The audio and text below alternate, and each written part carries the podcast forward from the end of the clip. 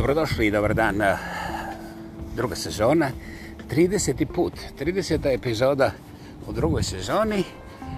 Dakle, vaša slaba sa vama, samoproglašeni lingvistički aktivista, monumentalno autentični, ja pa jako bi drugi Vladimir kreće ispod preljepih i legendarnih stjenovitih planina.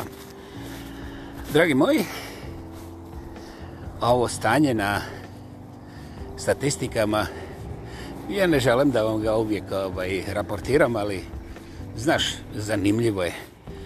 Postao sam popularan, to jest ova naša zajednička emisija, na nekoliko sasvim neočekivanih mjesta, ne mislim više na Kolumbiju, to je stara štacija, sada već i znam o kome se radi i ne brinite, neće biti ofazive iz Kolumbije, naime, ime nije stvar da su karte skupe, nego vjerovali ili ne, mnogim ljudima je doista lijepo u Kolumbiji. Ja se ne bi čudio kad bi ovaj neki dodatni, ovi naši, ostali dolje. Isto vremeno, ja pokušavam trenirati ono što starci ovih mojih godina, znači metozalemi koji su već zagrabili debelo. Tu su negdje pa mogu iza brda vidjeti čak i stotu. A ovaj, nastojim biti nastojim biti ja. Dakle, nisam trošio novce na naoružanje, dodatno barem. Um, nisam čak ni pogledao da li neko oko mene ima ženu, ili šta je znam, što već misle da ja nisam taj za ove, onda nisam gledao ni muške. Eto, ako vas baš zanima.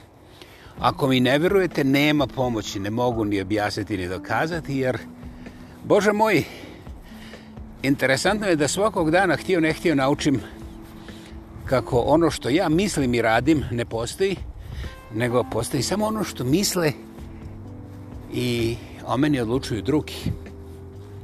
Zanimljivo a, da je to nekakva politička ovaj tvrdnja isključivo.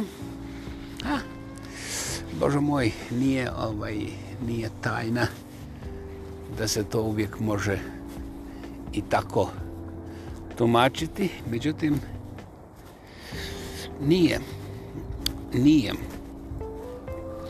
Nije. Moja, moja beautiful persona im je toliko draga da ovaj da se zalijepe za neke riječi koje im nije palo na pamet da promućkaju po svome, a mogli su vrlo lako, jer nisu u naslovu ovog podcasta nikada ozbiljno razmislili zašto ja kažem lingvistički aktivista, pa onda dodato na samom početku samo proglašeni. Dakle, nije bilo države, nacije i politike koja je mene počastila sa ovom titulom, onda nije bilo čak ni titule. onda jezik, lingvistički aktivista, znači koristim po tim svojim nekakvim nahođenjima, a pošto je samo proglašeni, znači samovoljno. Dakle, draga moja gospoda, ovdje nema nigdje obaveza da vi slušate, a pogotovo ne da poslušate i da se ponašate po tome što ja govorim. Nigdje nije bilo, nikad je nije bilo. I ja odgovorno tvrdim da neće biti. A onda, kada vi mene tretirate kao akademika sa nekakvih zvaničnih, institucionalnih prostora, visina ili pozicija, znate, to radi protiv vas, debelo. E, I to na načine koji su, opet idemo u to samo, samo, ponižavajući. Moćno samo ponižavajući. E, da ja vas pitam da li vam to treba, ne valja. To je pitanje koje prije nego što nešto radite morate postaviti sebi. Naime, ja nisam odlučio da postanem samoproglašeni lingvista zato što mi se prohtjelo jednog dana i odvaskočio na mikrofon ili tako to. Nego, Znate, ja sam koristio to što ja imam za razmišljanje i onda sam neke stvari radio o kojima ne mogu sada, jer ovo je vrlo kratak program da bi ja elaborirao šta sam sve radio. I na kraju krajeva, čim počnemo oko toga razgovarati, vi ćete tražiti dokazni postupak kao policije, a ja sam na to, sada sam potpuno siguran, alergičan, pa čak i ako hoćete da me mrzite, proglasite ovako ili onako, Bože moj, ništa od toga nije falilo prije, pa zašto bi falilo sad? Izvolite, pucajte iz svakog oružja. Ono s čime sam ja ovim dana, ovaj, ne više uzdrman, ne, to je fantastično. Drago Bogu, hvala i eto, moje kosti su izgleda prilagodile se nečemu, dakle, još nisam mrtav. A ovaj... Naime, postoji nekoliko stvari u koje sam ja bio uvjeren da su sigurne. A to je... Nakon što je otišla Helena, ja sam, barem tehnički, čovjek samac koji živi sam u svojoj kući, ne otetoj, ne ovaj, političkim aktivnostima i nekakvim drugim nezakonitostima stečenoj. Znači, Ja sam u svojoj kući za koju smo nazvoje o, oh, da, dali sve što smo mogli od našeg života, jer nam niko nije pomogao sa jednim jednim dolarom. Molit ću toga jednoga sa jednim dolarom da se jave ako postoji. Ja ću se prvi početi izvinjavati dok ne umrem. Neću se prestati izvinjavati. Dakle, a kuća u kojoj ja živim je plod rada Helene i vlade i niko drugi, ništa, ni dolar, ni centa. A, u toj kući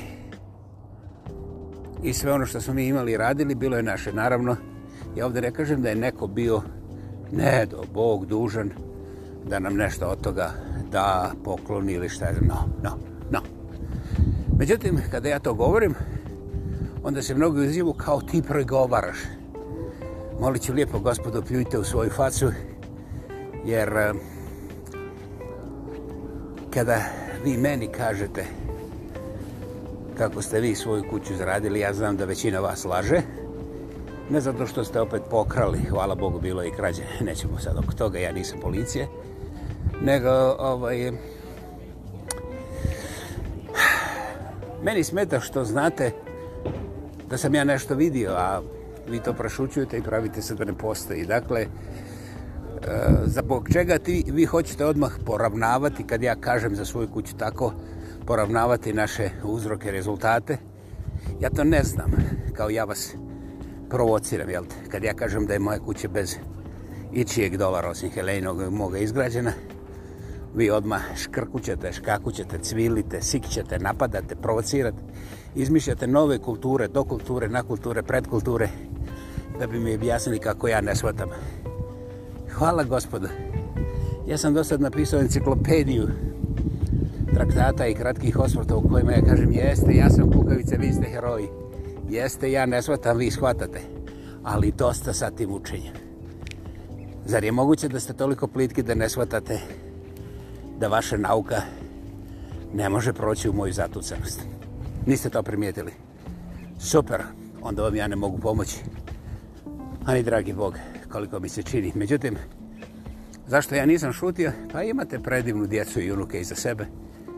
I tu, znate, bez mene, apsolutno bez mene postoji ozbiljna odgovornost. Ako je vama svejedno što će ta vaša djeca i unuci vrlo brzo shvatiti da ste vi šuplji i podli i hipokritični dvolišnjaci, to nije moj problem. Međutim, ima toga što ide uz to. I te stvari se neće dešavati u jednoj točki na jednom mjestu. Aha. Sada ostatak razmišljajte sami za sebe. Ja sam bio dovoljno kulturan da vam naznačim nešto, a vaša histerija i življavanja nad mojim izjevama je... Hm. Bogu hvala. Ja ne govorim o 100% ljudi koji me čuju. Ovaj, to je jedna vrlo glasna manjina ova o kojoj sam sada opisao. Vrlo, vrlo glasna manjina i koji ne prihvataju ništa osim letve u glavu. Ovaj, bez obzira šta im kažeš, to ne postoji, jer oni su naučili da tvrdoglavost na kraju ipak dobije barem besplatnu naljepnicu ili ono ulazak na sporedna vrata za prestavu bez stolice, jeli? Međutim, ljudi, ovo je brutalno, znate? Čak i kad se tako desi i opet pogledajte šta ostavljate svoje djeci, jer djeci i unucima, pa onda redom koji će se već pojaviti, Bogu hvala, nek su živi i zdravi. A ovaj, neće moći da vam aplaudiraju, znate. I to ne zato što sam im ja nešto rekao, jer većina od njih nemaju pojma koji, koji sam ja. Znate, međutim, ostaju te riječi, ostaju ta dijela, ostaju ti zapisi, ostaju ti napadi, ostaju ti smradovi koji su iz čista mira, onako, producirani, kao valjda iz dosade, ne znam. Nemojte mi pomoći da razumijem. Ne želim razumjeti. Već sam se složio. Vi, vi kažete, glup, ja se slažem. Super. Zašto onda sa glupim nastavite razgovarati? To više nije moje pitanje. To je ono što vas ponižava u vama i što je apsolutno vaše dijelo i nikad neće ovisiti o mene. Dakle, gospodo, izvolite. Moj problem je što sam nakon ha, da li je 12 godina ili 15 ili neka godina između to je potpuno sporedno sreo ljude čija su djeca bila unesrećena ovaj mojim kriminalnim radom ili neradom. Naime, radilo se o tome da sam ja kao uništio fotografije sa jednog vjenčanja. I tu je onda bilo vrlo, vrlo teških riječi, prijetnje, bože moj. To su sve naši ljudi. Okay. Ja neću opisivati ovde nacije, politike, jer su iz korijena irrelevantne, a ako bi slučajno to spomenuo, onda bi se dodalo još zilion problema među nacijama, politikama i svem i redom, onda bi ispalo... To ćemo već u drugom dijelu ovoga podcasta. Jedan mali osvrt. I ovaj ti ljudi su jednu, dvije godine, Helena je bila zabrinuta, ja to ne mogu nikako zaboraviti, ovaj, prijetili i bez imalo srama danas, ja moram reći da sam ja vodio računa gdje se pojavljujem ovaj, u to doba, jer to je bilo, ne samo da ih je više, nego među njima podosta veliki broj ljudi koji su zdravi, snažni i mogu da me razbiju. Ovo, ovaj, ja jedino mogu da se odbranim nekako ako naručim te razno razne mortaljeze i pređem u tenkovsku odbranu, što mi nije padalo na pamet. Međutim, i kako sam jedno dvije godine u vodi računa gdje se pojavljujem i nijedna moja riječ, nijedna jedina, nije mogla značiti ništa. I onda tako, prošla je Helena, prošlo je sve to, i ja prije jedno mjesec dana, up, sasvim slučajno, ja nisam htio ići na nikakvu večeru da budemo načisti, nego kao ljudi da budu ljubazni prema meni, hajde budi na večeri. Znaš, meni je to simpatično, drago mi je. Ovaj, ipak, znaš, ja sam se ovako večer solo i sad pozvao sam negdje na večeru gdje mogu ovaj, ne samo da se dobro najedem, nego i da sjedim sa ljudima i to je meni onako dar, dar sa neba. I ovaj, mic po mic, lijevo desno, ja sam zaboravio naravno likova, ali ispostavi se da je tu majka ovog mladoženja koji je meni također spremao odvrnuti vrat i tako te lijepe aktivnosti masaže sa turbopunjenjem na moj račun.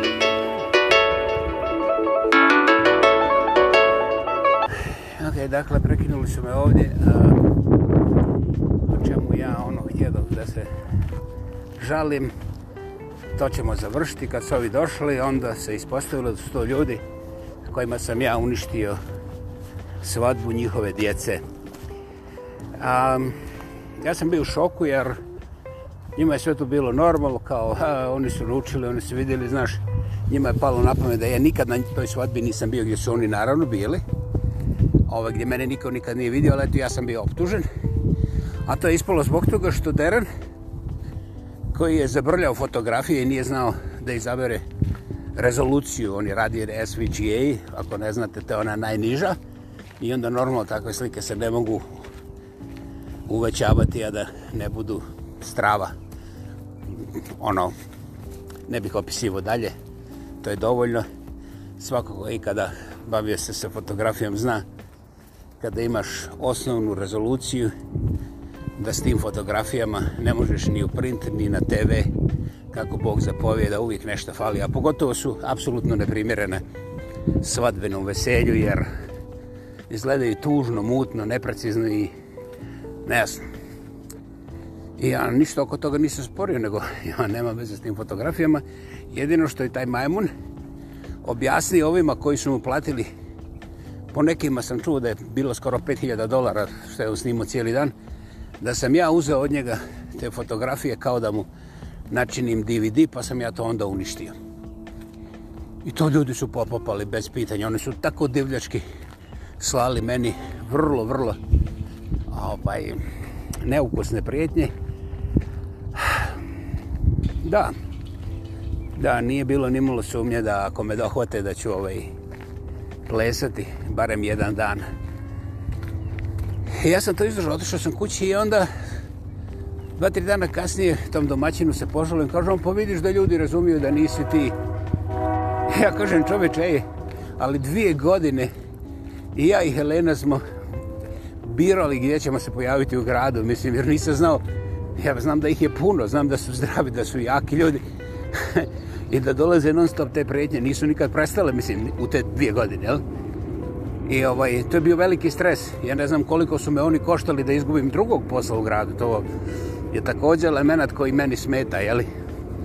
Ali ne možemo o tom govoriti jer ne znam, ne mogu dokazati. Ma nemoj, ljudi, svidiš da te cijene, da ovo... Drago mi je što me cijene. Ja im nikad ništa nisam uradio, oni su se dvije godine življavali na mom životu i sad ja ne razumijem šta se desilo. Pa čovječe, Ali kaže, nemoj biti toliko sjetljiv lijevo desno. Ja kažem, pa šta ja radim? Ja, ja samo noćnu moru koju sam mislio da sam zbog ovih antidepresanata i ove tuge i svega ostavi za sebe prije više od decenije. Sad sam je dobio u facu i sad kao oni kao meni nešto opraštaju, mislim. I onda ja bi trebao da šutim i da budem sredo što su me prostili. Kaže, pa baš tako. Pa jesam li ja što ja radu? Kaže, ali ti pričaš o tome. Ok.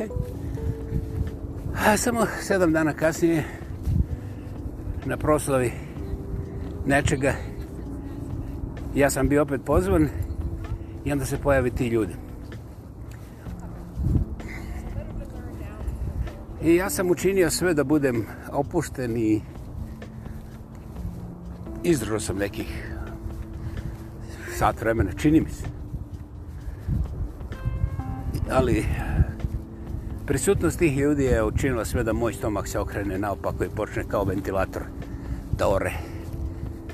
Ja sam ovaj znao da ne mogu nikome ništa reći, jer počeće izvinjavanja, objašnjavanja, savjetovanja, edukacije. Ja sam jednostavno shvatio da je moje vrijeme bilo prije 15 godina da takvim ljudima ne dozvolim da mi priđu, a ne da bilo šta radim. I moj e, kompas meni pokazao vrata onda kad niko nije gledao i ja sam lijepo i nezamićeno otišao. I ovaj naravno, sada kad je ovaj domaćin zvao, ja sam to ignorirao iz vrlo jednostavnog razloga što mi ne trebaju objašnjenja, što mi ne treba i nekakve večere pomirenja jer ovaj, te dvije godine te muke, a pogotovo Helenog straha šta će meni neko učiniti. A mi smo samo bili jedno drugome, jedina nada, jedina potpora, jedina familija ovdje na kraju svijeta. Ja nisam to htio slušati, mislim to je perverzija. Nazovite vi mene kako god hoćete. Ali da bi nekako provjerio jesam li ja uopće na zemlji, ja sam otišao kod, kod svoga psihijatra, jeste baš kod psihijatra, i to kanadžina koji nema veze sa Balkancima. I najotvorenije rekao sve što ja vidim i odgovorio najiskrenije i poštenije što se mogu na sva njegova pitanja. Tako da u miru sada zaključavam ova vrata za te ljude i za te, i za te postavke. I ako mi hoćete sada skočiti u facu i reći pobjegulja, jeste, jeste, prije 10, 12, 15 godine koliko je bilo, da mi neko prišao, ja bi svim oružjem se branio i tu je onda moguće svašta. Dragom Bogu hvala da se nije desilo ništa.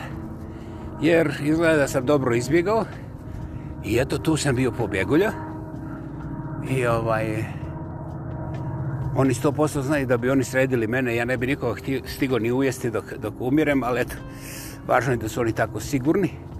I tako sigurni ljudi 15 godina kasnije se pojavljaju ravno u moju facu, pa šta se ti buniš? Znamo mi da ti nisi bio tamo. Znači, pljunu sami sebi u facu šta su govorili i onda kao ja sad treba da ih grlim i da mi se ništa ne desi u stomaku. Hvala. A, hvala što ste mi pokazali gdje je moje mjesto. I vama su uvijek u pitanju pobjegulje po i kukavice i glupaci. Kod mene, u mom svijetu, ja sam došao do toga da takvih u mojoj blizini nema. I Boga mi učinit ću sve da ih i dalje ne bude. Ja naime, kada sa nekim čovjekom nisam zadovoljan, ja pogledam šta mi smeta, a ne ko mi smeta.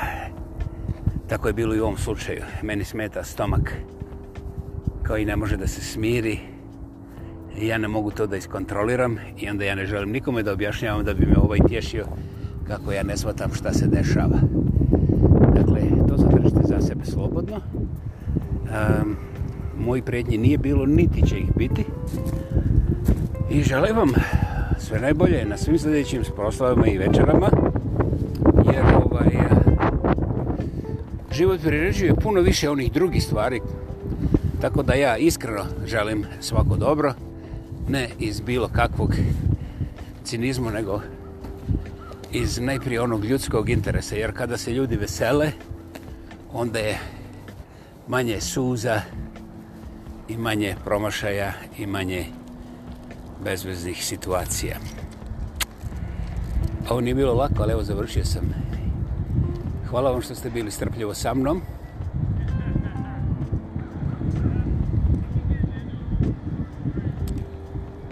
bila je ovo 30.